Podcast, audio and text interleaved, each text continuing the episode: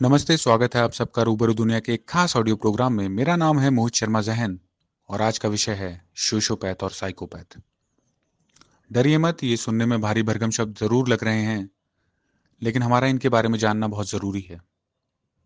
क्योंकि ये संभव है ऐसे लोग हमारे जीवन में हों, उनसे हमारा मिलना जुलना होता हो और अक्सर ऐसे लोग हमारा फ़ायदा उठाते हों।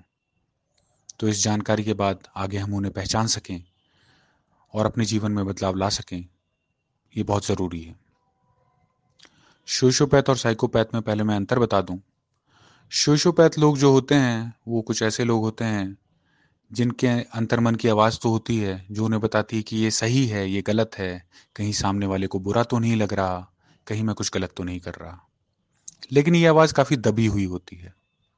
ये उनके पास्ट एक्सपीरियंसेस या परवरिश की वजह से हो सकता है।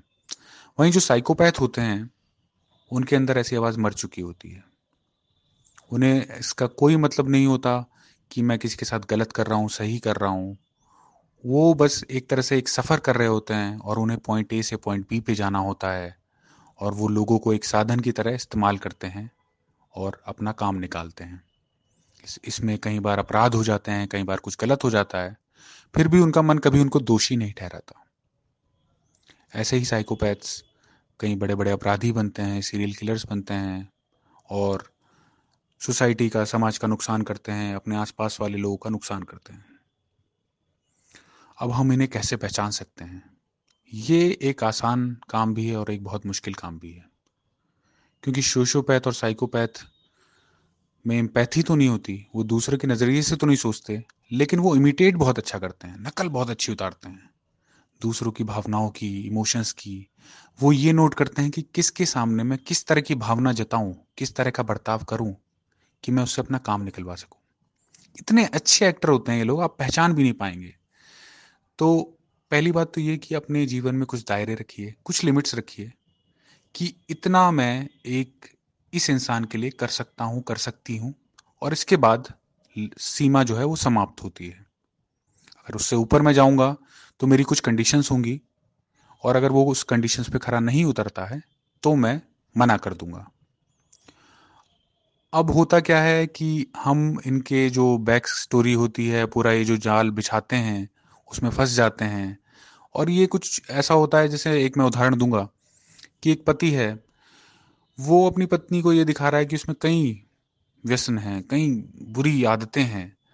और वो उन आदतों को छोड़ रहा है, कोशिश कर रहा है छोड़ रहा है, और वो अपनी पत्नी से मदद मांग रहा है। तो कितनी अच्छी बात है ना, सुनने में अच्छा लग रहा है। वो अपने दिमाग में ये सोच रहा है कि वो चालीस साल का हो चुका है, वो उसकी जो पहले लिमिट थी वो वैसे भी नहीं रही, उसके पास पैसे भी कम हैं तो वो अपने सीमित दायरे में कम आदतों से मज़ा लेना चाहता है, अपने कंफर्ट जोन में रहना चाहता है। अब उसकी पत्नी उसे ये सपोर्ट कर रही है कि पहले तो इतना बुरा था, अब थोड़ा कम बुरा हो गया। इसने कुछ बुरी आदतें छोड़ दी। जबकि वो अपने मन में खुश है कि चलो इस बहाने मेरी पत्नी खुश है। जबकि मेरी ये बुरी आदतें भी हटनी चाहिए लेकिन ये हटेंगी नहीं क्योंकि मैंने अपनी पत्नी को अपने हिसाब से कंडीशन कर लिया। ये एक छोटा सा एग्ज़ाम्पल था। ऐसे बहुत सारे कदम कदम पर आपको एग्ज़ाम्पल मिलेंगे।